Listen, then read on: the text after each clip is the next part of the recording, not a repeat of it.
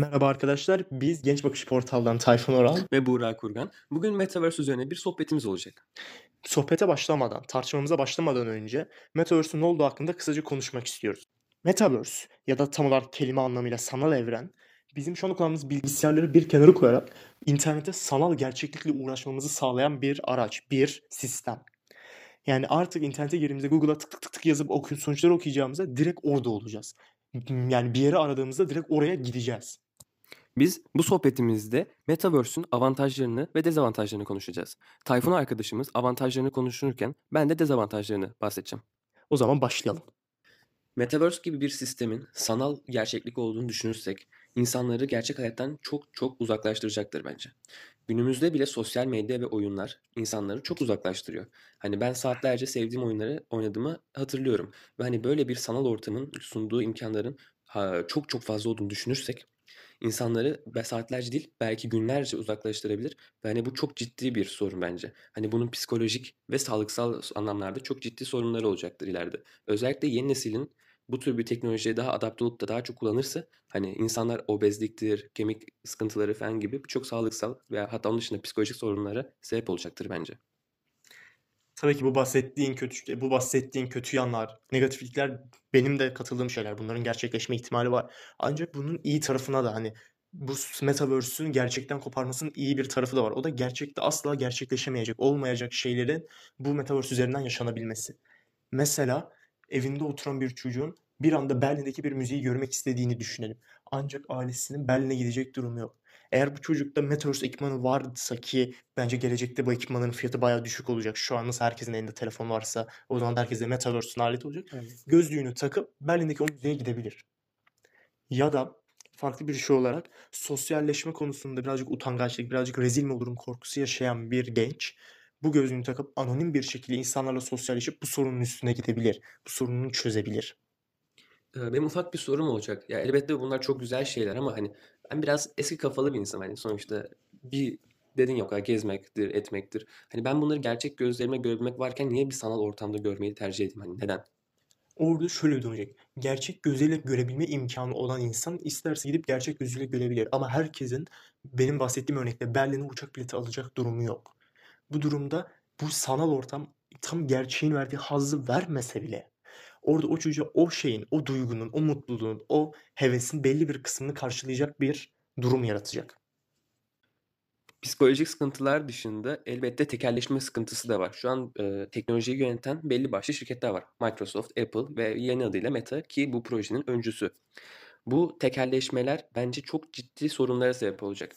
Ş- Spielberg'in çok güzel film vardı. e, Ready Player One. Hani orada o yine Metaverse gibi bir alem vardı ve orayı yöneten bir şirket vardı. Hani orası bir film ama bu böyle bir durumun gerçek hayatta, gerçek dünyamızda çok ciddi sorunlara sebep olacağını düşünüyorum ben şahsen. Şimdi verdiğiniz, verdiğim bu tekelleşme örneğinde şöyle bir durum. Sosyal medya ilk kurulduğunda şu anki şirketlerin hiçbiri yoktu. Yani sosyal medyanın ana öncüleri sosyal medya geliştikçe çöktü ve yerine yeni şirketler geldi. Ve belki daha da gelecekte bu şirketler de gidecek ve yerine daha yenileri gelecek. Böyle bir ekonomik döngü olduğu sürece tekelleşmeden korkmak birazcık fazla paranoyakça değil mi? Ya elbette. Mesela araba ya da sosyal medya anlamında bu, ya bir sürü konu anlamında örnek verilebilir. Yani bir öncü var. Arkasından yenileri gelip o piyasaya hatta o teknolojinin daha da gelişmesine katkıda bulunuyor. Rekabet ortamı oluyor elbette ama e, bu durumların hani mesela Apple ve Microsoft örneği verirsek şu an telefon üretimi veya bilgisayar üretimi belli başlı şirketler alanında ve bunlar daha çok teknoloji odaklı ve hayatımızın her yerinde olan şeyler. Hani böyle bir teknolojik şeyi herkes yapamaz ve e, Facebook e, pardon Meta o yani belki rak- rakibi çıkmayabilir. Bunu bilemeyiz. Tabii rakip olması daha iyi olur. Rekabet ortamı belki daha teknoloji geliştirir. Bambaşka bir şey olur. Ama ben şahsen korkuyorum. Tabii ki tekelleşme her ne kadar ben desem de eğer olursa çok kötü bir durum. Ancak ben olacağını düşünmüyorum. Çünkü günümüz toplumunda her zaman bir eskiyi yeni yener. Yeni her zaman önüne gelebilir düşüncesi var. Yani eski şirketler bile adapte olabilmek için olabildiğince yenileşmeye çalışıyor. Mesela ver en Evet. büyük örneklerden biri bence tekelleşmenin olmaya yakın olmasından olması Nokia. Evet, vakti zamandaki. Telefon sektörünün yöneticisi olan Nokia öyle bir anda bir 10 sene, 15 sene içinde o şeyini yok kaybetti. Yok oldu.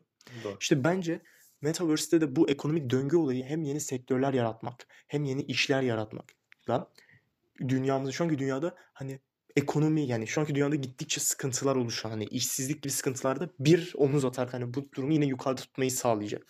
Üstelik bu metaverse sayesinde zenginle fakir arasındaki bazı uçurumlar kapanacak. Mesela daha önce verdiğim turizm sektörü gibi. Artık durumu o kadar iyi olmayan bir insan bile dünyanın istediği yerine sanal olsa bile gidebilecek. Üstelik bu sadece günümüzdeki bir film izlemek, video izlemek gibi olmayacak. Oraya gidecek, orada istediği bir bara ya da istediği bir kafeye girip oradaki insanlarla sohbet edecek. Hani turizm sektörü gittikçe metaverse'e kayacak ve bence bu hani zenginle fakir arasındaki uçurum kapanmasında çok önemli bir etken. Bence zengin ve fakir arasındaki eşitsizlik Metaverse'de de olmaya devam edecek. Çünkü Metaverse'ün içinde kendi para birimi var. Ve hani bu para birimine siz ne kadar çok para yatırırsanız o kadar paranız olacak ve hani yine bir zenginlik fakirlik durumu olacaktır. Ki bir yerde okumuştum. Minimum 10 bin dolar lazım bir orada arsa almak. Hani 10 bin dolar çok ciddi bir para. Özellikle bizim TL'ye vurursak. Bu zenginlikler birçok erişime yani erişim hakkını bize sunabilir. Mesela böyle kıyafetler ya da girilemeyen yerlere veya bambaşka belki bu planlananlar nedir nasıldır bilemeyiz ama yani yine bu gelir eşitsizliği yani zengin fakir eşitsizliğini bu sanal ortamda göreceğimize ben eminim. Bunun dışında senin de dediğin gibi birçok sektörün sanal ortama kayma durumu var. Ve bu kayma bir birçok alanda işsizliği tetikleyebilir. Hani artık toplantılar ya da oteller mesela insanlar gezecekken sanal ortamda niye yapmayalım? Yani mesela bunun en iyi örneği Zoom. Artık insanlar ofislerine gitmiyor da evinden toplantı yapıyor. Hani bu sanal ortama neden taşınmasın? Ama hani böyle bir durumda hani otel mesela kullanacakken toplantılar için o otel kapanacak belki. Çünkü iş yapamayacak. Veya birçok alan o anlamda işsizliği yine tetikleyecektir ki bu bayağı kötü bir şey. Kısacası senin dediğin değişim olmayacak bence. Bu sağlık alanında, ekonomik alanında ve eğitim alanlarındaki bu değişikliği Metaverse'de göremeyeceğiz. Ekonomi ve sağlık alanlarında belki haklı olabilirsin. O konularda o kadar büyük bilgim yok. Ancak eğitim alanında bence senin düşünen çok daha büyük bir değişime sebep olacak. Bu değişim sırf zengin fakir ayrımını engellemekte değil. Aynı zamanda şu anki eğitim sistemini kökten değiştirmeli olacak. Çünkü eski zamanın bir masaya otur, bir sınıfta dur ve 40 dakika önce tahtaya bak sistemi değişecek. Bir kimyacı bize kimyadaki bir deneyi anlatırken arkada biz o deneyi göreceğiz. Fizikçi atomu anlatırken arkada atom yapısı göreceğiz. Coğrafyacının anlattığı, coğrafyacı gidip bilmem ne türü kanyonlar dediğinde biz o kanyonu gerçekten göreceğiz. Sadece kağıtta çizimini görmeyeceğiz. Edebiyatçı birinden bahsederken arkada o şiirin okunuşunu duyacağız. Böyle şeyler bence eğitim, yani şu anki bulunan eğitimi çok daha kolaylaştıracak. Genç çok daha gençliğe adapte yapacak. Ve bunun başka bir yardımı da yani birazcık eğitimden uzak ama eğitime destek verecek başka bir desteği ise Metaverse'ün bilgiye ulaşım kolaylığı. Meta zaten sosyal medya şu anda bizi bilgiye aşırı şekilde yaklaştırdı. Neyse her şeyi bulabiliyoruz internet ve sosyal medya. Metaverse bunu bir adım daha yakınlaştıracak. Sadece internette yazıları okumayacağız, işi bilen kişiyle istediğimiz zaman gidip konuşabileceğiz. Bu eğitim alanındaki imkanlar çok mucizevi. Ben eğitimi böyle tamamlamayı çok isterdim. Ama Hani böyle bir imkan dünyanın her yerinde olamaz. Yani bir Tibet'teki bir okulun internetinin olmayacağını düşünürsek böyle bir imkana erişim olamayacak. Peki bununla ilgili ne düşünüyorsun? Bu durumda şöyle. Her zaman dünyanın belli bölgeleri diğer bölgelerin gerisinde kalmış. Bunun koşulları, sebepleri ve falan tartışmak buraya bize düşmez ve bu konuda dahil değil. Ancak demek istediğim şu. Belki Tibet'te şu an internet olmayabilir ama 10 yıl sonra internet olmayacağı anlamına gelmiyor bu. Zaten bu değişimler bir gecede olmayacak. Yavaş yavaş adaptasyonla şu anki bizim gerçek sektörlerimizin, gerçek hayat sektörlerimizin Metaverse'de birleşmesi, kaynaşması sayesinde oluşacak değişimler bunlar. Yani bir gecede okulları kapatıyoruz, herkes Metaverse'den girsin demeyecek hiçbir devlet. Önce belirli derslerde bu VR gözlükleri kullanılmaya başlanılacak. Sonra belirli okullar, çok zor koşuldaki okullar mesela gitmesi böyle şeyleri geçebilir mesela. Bence ilk başlangıcı üniversiteler yapacak bu konuda. Çünkü zaten özellikle bu virüs döneminde son zamanlarda yaşadığımız üniversiteler online eğitime çok rahat ve çok net bir şekilde adapte oldu. Ve bence bu VR'a da adapte olabilecekler. Bu bilgiye erişim kolaylığı elbette güzel bir şey ve bu internetin gelişimiyle oluşan bir şey. 90'lı yıllarla beraber internetin herkes tarafından kullanılmasıyla, daha yaygınlaşmasıyla beraber Wikipedia gibi sitelerin oluşumuyla beraber bilgi erişim elbette kolaylaştı. Ve hatta annelerimiz babalarımız anlatır. Kütüphaneye gidip saatlerce kaynak, kaynak aradığını, kitaplara bak, baktıklarını anlatırlar. Biz ise 10 dakikada hemen araştırmamız gereken şeyi bulup halledebiliyoruz işimizi. Elbette bu internetin güzel yanı. Ama bunun bir karanlık tarafı da var. Hacklenmeler. İlla ki hacklenme haberleri okuyorsunuzdur. Şu şirket hacklenmiş, bilgiler çalınmış gibi bir sürü örnek haber var. Bu hacklenmeler bizim bilgilerimizi çalıyor ve hani dark web gibi yerlerde ne yazık ki satılıyor. Metaverse'ün bir internetin bir parçası olduğunu düşünürsek ve gelecekteki bir model olduğunu düşünürsek hacklenmelerin ben şahsen daha da artacağını düşünüyorum. Ve insanlar için daha da tehlike oluşturacağını düşünüyorum.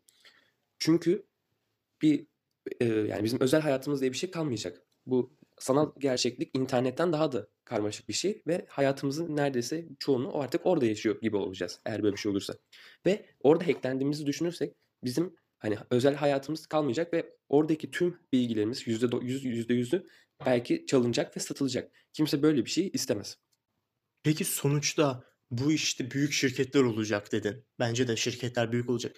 Bu şirketler bu hacklenmelere, bu korsanlığa karşı önlem alamazlar mı? Bizi koruyamazlar mı? Ben şahsen koruyabileceklerini düşünemiyorum. Çünkü e, bu hacklenen, yani günümüzde hacklenme haberleri alıyoruz dedim. Hani bu büyük şirketlerin IT departmanları var. Hani deli gibi işte üniversite mezunu olup da işinde uzman insanlar var. Ve hani bunlar bile o şirketin korumasını engelleyemiyorsa Metaverse'ü yapan şirketler hani e, milyonlarca insanı koruyabileceğini ben pek düşünemiyorum. Hani çünkü bu şirketlerdeki uz- şey insanlar da uzman sonuçta. Ona rağmen böyle bir durum varsa şirketlerin koruma ihtimali çok çok düşük ne yazık ki. Sohbetimizi burada bitirelim isterseniz. Umarım sizin için faydalı olmuştur. Bizi dinlediğiniz için çok teşekkür ediyoruz. Ve eğer gerçekten bu tartışma iki tane üniversite öğrencisine neredeyse 15 dakika boyunca dinleyecek kadar ilginizi çektiyse Instagram'ımızı takip edebilirsiniz. Çünkü bunun gibi daha nice podcastler ve böyle enteresan konulardan bahseden birçok yazımız var.